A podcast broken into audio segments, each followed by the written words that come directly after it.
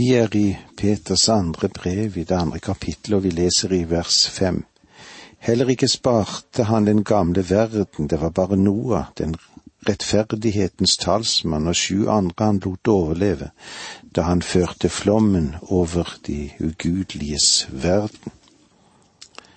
Når Noah ble berget, var det fordi han var en rettferdig og ulastelig mann blant sine samtidige. Han vandret med Gud.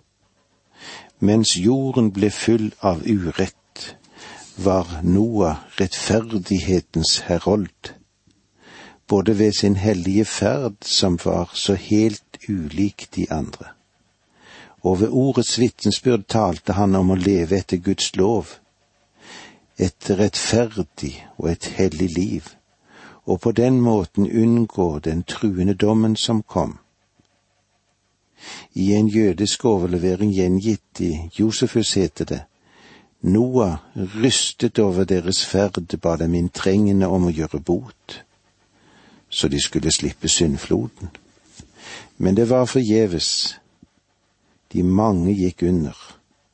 De få ble frelst. De ugudeliges tallrikhet forebygget ikke deres undergang. De frommes fåtallighet hindret ikke deres frelse, som bygge, sier det. Peter var opptatt av tanken på den første Guds dom, at den var global og hadde en stor rekkevidde. Og han vil komme tilbake dette i kapittel tre, og han har nevnt det òg tidligere i det tredje kapittelet i første Peter i det tyvende verset der.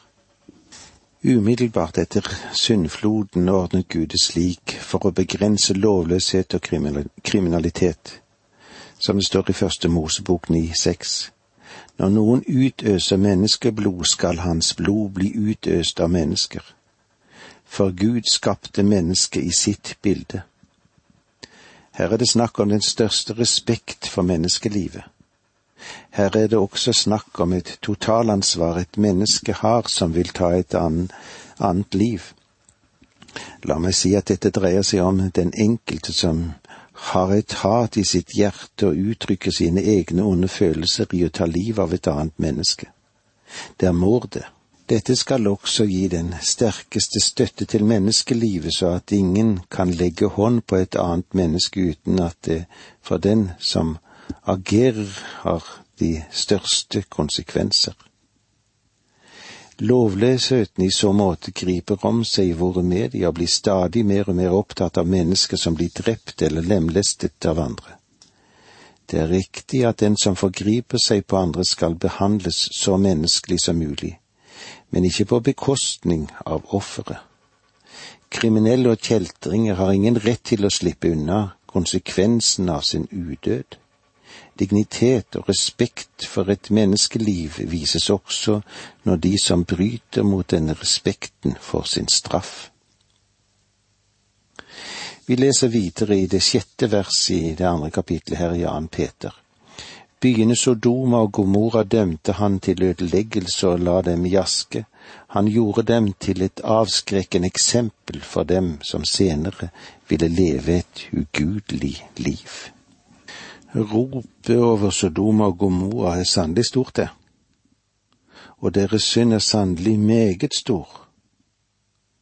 Derfor ble også dommen så alvorlig. De ble brent opp med ild, de ble lagt i aske og aldri funnet igjen.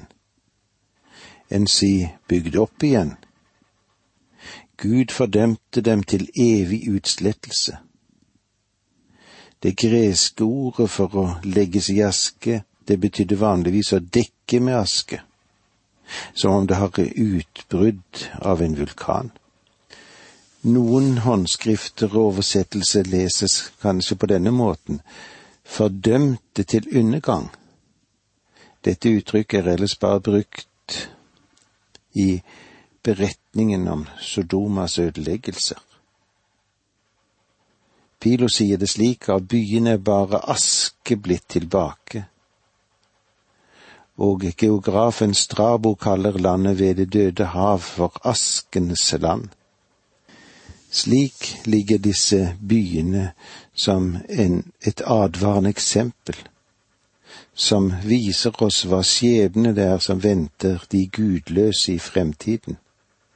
Den totale ødeleggelsen ble tillatt av Gud i den hensikt å vise de kommende slekter at gudløshet ender med forferdelser. Skogvold Pettersen han sier det på denne måten. En kultur som tåler Sodomas synd, får Sodomas dom. Byene Sodoma og Gomorra dømte han til ødeleggelse og la dem jaske, han gjorde dem til et avskrekkende eksempel for dem som senere ville leve et ugudelig liv. Om du vil, så kan du lese mer om dette i kapittel 19 i Første Mosebok. Det var kjødeligheten, det ugudelige liv, som Gud dømte ved Sodoma og Gomorra. Innbyggerne, de hadde hengitt seg til sodomi seksuell persivitet var anerkjent i Sodoma, og er blitt for anerkjent, ja hvor, i vår vestlige verden òg. Den menneskelige natur er en uhyggelig ting, det. Du og jeg, vi har den gamle natur, og det er en natur som uttrykker seg i det som strider mot renhet og opphøyethet, som Gud har satt som ramme om livet. Den gamle natur uttrykker seg i det onde og det motbydelige. Du får meg ikke til å tro at ved å gjøre seksuell persivitet lovlig, så har du lagt noe opphøyd over livet. Gud har sagt at når mennesket synker så lavt, så gir han dem opp. Du kan akseptere det, eller la det være, men det er det Guds ord sier, og dette kan du lese om i Romerbrevet 1 i det 18. til 32. verset. Det er faktum at vi har behandlet dette ved en skuldertrekning, og eh, kanskje et sjenert smil, har fått det til perverse til å gro og trives i vårt land, og det er en fryktelig situasjon som vi på den måten har kommet opp i. Vi leser videre i versene syv og åtte. Men han reddet den uskyldige Lott som led under det umoralske liv de hemningsløse menneskene førte der. Ja, denne rettskaffende mannen som bodde midt iblant dem, pintes dag etter dag helt inn i sin rettferdige sjel når han så hørte alt det onde de gjorde. Men han reddet den uskyldige Lott som led under det umoralske liv de hemningsløse menneskene førte. Dette ordet, dette lille ordet, men viktige ordet led, som Peter bruker her, er det greske ordet for kataponeo, som betyr å slites ned av arbeid og være utslitt av tungt arbeid. Det betyr å presse ned med ondskap, faktisk, og pine. Det ligger nær ved det at vi i moderne sammenheng forbinder kanskje dette med tortur. Lot han opplevde at hans sjel var som torturert i Sodoma. Han var aldri lykkelig der. Han kjente at livet ble revet i stykker på innsiden. Det var en tortur for ham å leve i Sodoma. Jeg fikk aldri det inntrykk av Lot når jeg leste Første Mosebok, for å si det på den måten. Og jeg er glad for at Peters kommentar, den er så viktig for oss. Ellers så hadde det kanskje vært så lett å vurdere Lot helt feil og tro at han ikke var frelst. Når du leser historien i Første Mosebok der Lot dro til Sodoma, innviklet han seg i de politiske forhold og tapte det meste av sin familie. Og det er lett å trekke den konklusjonen at han lot seg sluke av Sodoma. Selv når du leser om hva som hendte med de to ugifte døtrene hans som unnslapp sammen med ham, så er det lett å stille spørsmålet ved dem også. Det poenget som Peter understreker her, er at Gud førte Lot ut av byen. Han vet hvordan han skal utfri den rettskafne. I verset så sies det klart at det som presentertes for oss, er et eksempel. Et eksempel på hva? Et eksempel på at Herren kjenner sine midt i en verden av ugudelighet og av umoral. Det eh, er slik at ikke en eneste en av hans egne blir borte. Om jeg bare hadde lest første Mosebok, ville jeg trukket konklusjonen at Lot aldri ville ha nådd himmelen, at han ikke fant frelse. Men Peter han sier det så godt på denne måten. Han reddet den uskyldige Lot, og sammen med ham også andre av hans familier. Lot ble kalt rettferdig fordi han var rettferdig i Guds øyne. Og med disse ordene må vi si takk for nå, må Gud være med deg. Dette undervisningsprogrammet består av to deler. Åge Nevland fortsetter nå med andre del av dagens undervisning. Vi er i Peters andre brev. Vi er i det andre kapitlet, og vi leser om Lot og hvordan han hadde det, slik som det står skrevet i versene syv og åtte. Men han reddet den uskyldige Lot, som led under det moralske liv de hemningsløse menneskene førte der. Ja, den rettskafne mannen som bodde midt iblant dem, pintes dag etter dag helt inn i sin rettferdige sjel når han så og hørte alt det onde de gjorde. Han reddet den uskyldige Lot, som led under det umoralske liv de hemningsløse menneskene førte der. Lot, han aksepterte ikke deres livsstil. Hva med han? Jo, han avskydde dem. Han var en rettferdig mann, og det betyr at han var rettferdiggjort for Guds åsyn fordi han stolte på Gud slik som Abraham gjorde det. Selv om han ikke levde et liv som Abraham, en som var et vitne og levde som et vitnesbyrd for verden. Lot står frem i Skriften som en av Guds hellige som ble rettferdiggjort på grunn av sin tro men hans liv fornektet alt det han trodde, og han hadde aldri et øyeblikks fred her nede på jorden. Denne rettskafne mannen pintes dag etter dag helt inn i sin rettferdige sjel når han så hørte alt det onde de gjorde. Tenk deg, du, på alt det svineriet som denne mannen måtte høre på og lytte til og leve midt oppi. Jeg tror det er grenser hva vi som Guds barn også kan tåle for ikke være en del av den verden som omgir oss. Simpel tale leder til simple handlinger, det. Gud sa til denne mann, Lot, du må komme deg ut av byen. Vi kan ikke ødelegge den når du er der. Du skjønner at i mellomtiden var det en mann ved navn Abraham som ikke kritiserte Lot, men han ba for ham. Og det er en god lekse for mange av oss å lære dette. Jeg møter stadig mennesker, ja, selv en annen som er ute og forkynner Guds ord, som kritiserer nesten alle som de kommer i kontakt med. Tenk om de i stedet for dette ville be for dem Abraham, han ba for Sodoma. Han ønsket at nivøen hans skulle bli spart. Abraham ba Gud om å spare byen om det fantes femti rettferdige i den.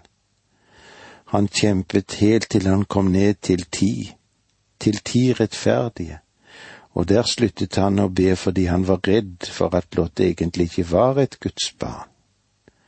Men Lot var det, og Gud hentet ham ut. Gud sa, Jeg kan ikke ødelegge byen før du har kommet deg ut. Kona til Lot flyktet sammen med ham, men hun så seg tilbake og ble en saltstøtte. Dette kan jo synes noe merkelig. Hvorfor skulle hun bli til en saltstøtte bare fordi hun så seg tilbake? Det dreier seg om hva det er å vende seg om og se seg tilbake, og hva det betyr. Hvorfor så hun seg tilbake? Det er åpenbart at selv om hun flyktet fra Sodoma, så lå hennes hjerte igjen der. Hun var blitt viklet inn i alt det som foregikk i denne byen. Hun tilhørte Foreningen for finere fruer, kanskje. Kanskje hun var med i byens litteraturklubb, og i alt det som hørte til i et sosietetsliv. Kanskje de skulle ha en brygdeaften den kvelden, og hun hadde så lyst til å være med der. Jeg har en fornemmelse av at hun plaget Lotte og sa, Hvorfor må vi dra så hurtig? En annen grunn til at hun vendte seg om og så seg tilbake, var fordi hun ikke trodde Gud ville ødelegge den byen. Han gjorde det, og han forvandlet henne til en saltstøtte. Den største lekse for oss i disse versene er at Guds redning av Lots og hans familie fra Sodoma kan stå som et bilde på menighetens bortrykkelse. Den vil finne sted før det siste del av den store trengselsperioden, før dommen kommer. For Gud vil ikke la sine hellige gå gjennom den. Selv de som er som Lot, de svakeste blant de hellige, vil bli tatt med. Lot ble husket, og om du har stolt på Kristus som din frelse, så kan du være sikker på at han vil ta deg med også.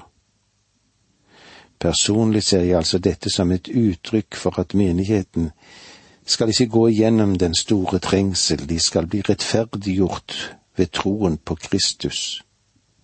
Og denne Lot var også rettferdiggjort. I vers ni leser vi slik. Herren vet altså å utfri de gudfryktige av prøvelser, men å holde de onde i forvaring inntil straffen på dommens dag. Dette er kanskje en konklusjon på tankerekken som vi hadde fra vers fire.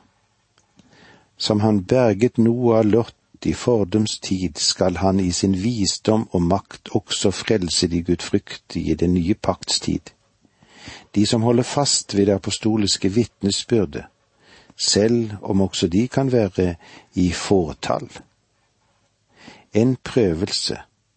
Det er en situasjon deres tro og troskap blir satt på prøve. Legg merke til at Gud frir et menneske ut fra, ikke vekk fra prøvelser. Kristendom er ikke noe forsikringsselskap mot livets prøvelser. Det ser ut til at Gud tillater at prøvelsen vil komme over en kristen, men han møter oss og hjelper oss og frir dem ut. Både Noas og Lots historie viser at det kan drøye en tid før utfrielsen kommer, men selv om ventetiden blir lang, vet Gud hvorledes han skal fri oss ut som frykter ham, ut av prøvelsens ild. Til den som tror at menigheten går igjennom den store trengsel, så vil jeg gjerne si at Gud vet hvordan han skal fri ut sine egne. Kanskje ikke du vet det, men da er det godt å vite at Gud vet det. Han vet også hvordan han skal holde de onde i forvaring inntil straffen på dommens dag. Gud kjenner forskjellen mellom de gudfryktige og de urettferdige. Det vet ikke jeg, men han vet det. Hveten og ugresset vokser sammen i dag, og han sa, la dem være, la dem vokse sammen. Jeg bekymrer meg over ugresset i dag. Jeg skulle ønske at det ikke var så mye av det, men hveten og ugresset, det vokser. Guds ord, det spres i denne tid som vi lever i. En eller annen dag i fremtiden vil han gjøre dette skillet mellom gress og ugresset synlig, og når han tar sine egne ut av verden, og når de fortapte bringes for Guds trone og får sin dom. I vers ti leser vi slik. Først og fremst dem som følger sin, sitt urene, sanseløse begjær og forakter den myndighet som er over dem. Disse mennesker er frekke og selvsikre og uten å skjelve spotter de englemakter. Først og fremst dem som følger sitt urene sanselige begjær. Dette er en sterk formulering Peter bruker her. Det betyr faktisk dem som velter seg i urenhet og sanselighet. Dette er et bilde på dem som faktisk er lavere enn dyrene. Det er de som gleder seg over det vulgære, det obskøne, det perverse. Og forakter den myndighet som er over dem. Noen som kommenterer dette, mener at det er de styrende samfunnsorganer. Jeg har grunn til å tro at siden dette ordet dukker opp så få ganger i Guds ord, så betyr det egentlig herrevelde. Det samme ordet blir oversatt med myndighet i vers åtte i Judabrevet og koblet sammen med makter og myndigheter i Efeserbrevet. I Efeserbrevet har det å gjøre med den åndelige myndighet. Med andre ord så forakter de som er åndelige, det som Gud har gitt herskemakt over oss. Englene og måten Gud driver universet sitt på og det er de som ber Gud fordømme alt under solen. De er ikke fornøyd med noe. Det er ikke bare det at Peter sier at de er frekke. Det betyr at de ikke har noen hemninger og tar ikke noe hensyn. De gjør ingenting av å spotte. Da kjenner de seg bare moderne og føler seg veldig betydningsfulle. Selvsikre det vil si de gjør det de vil uten hensyn, og uten å skjelve spotte de englemakter. Det ordet som brukes her for englemakter er faktisk herlighetsvesener. De taler rundt om det som er hellig, det som er opphøyd. Er det ikke interessant at mennesket tar Guds navn forfengelig? De tar ikke byens navn forfengelig eller sjefens navn forfengelig men de tar Guds navn forfengelig. De er ikke redd for å tale ondt om englemakter, om den orden som Gud har etablert i sitt univers. I vers elleve leser vi nå til slutt, og det vil vi komme tilbake til når vi møtes igjen neste gang. Ikke engang engler som står enda høyere i makt og styrke, kommer med spottende ord når de anklager dem for Herren. Takk for nå må Gud være med deg.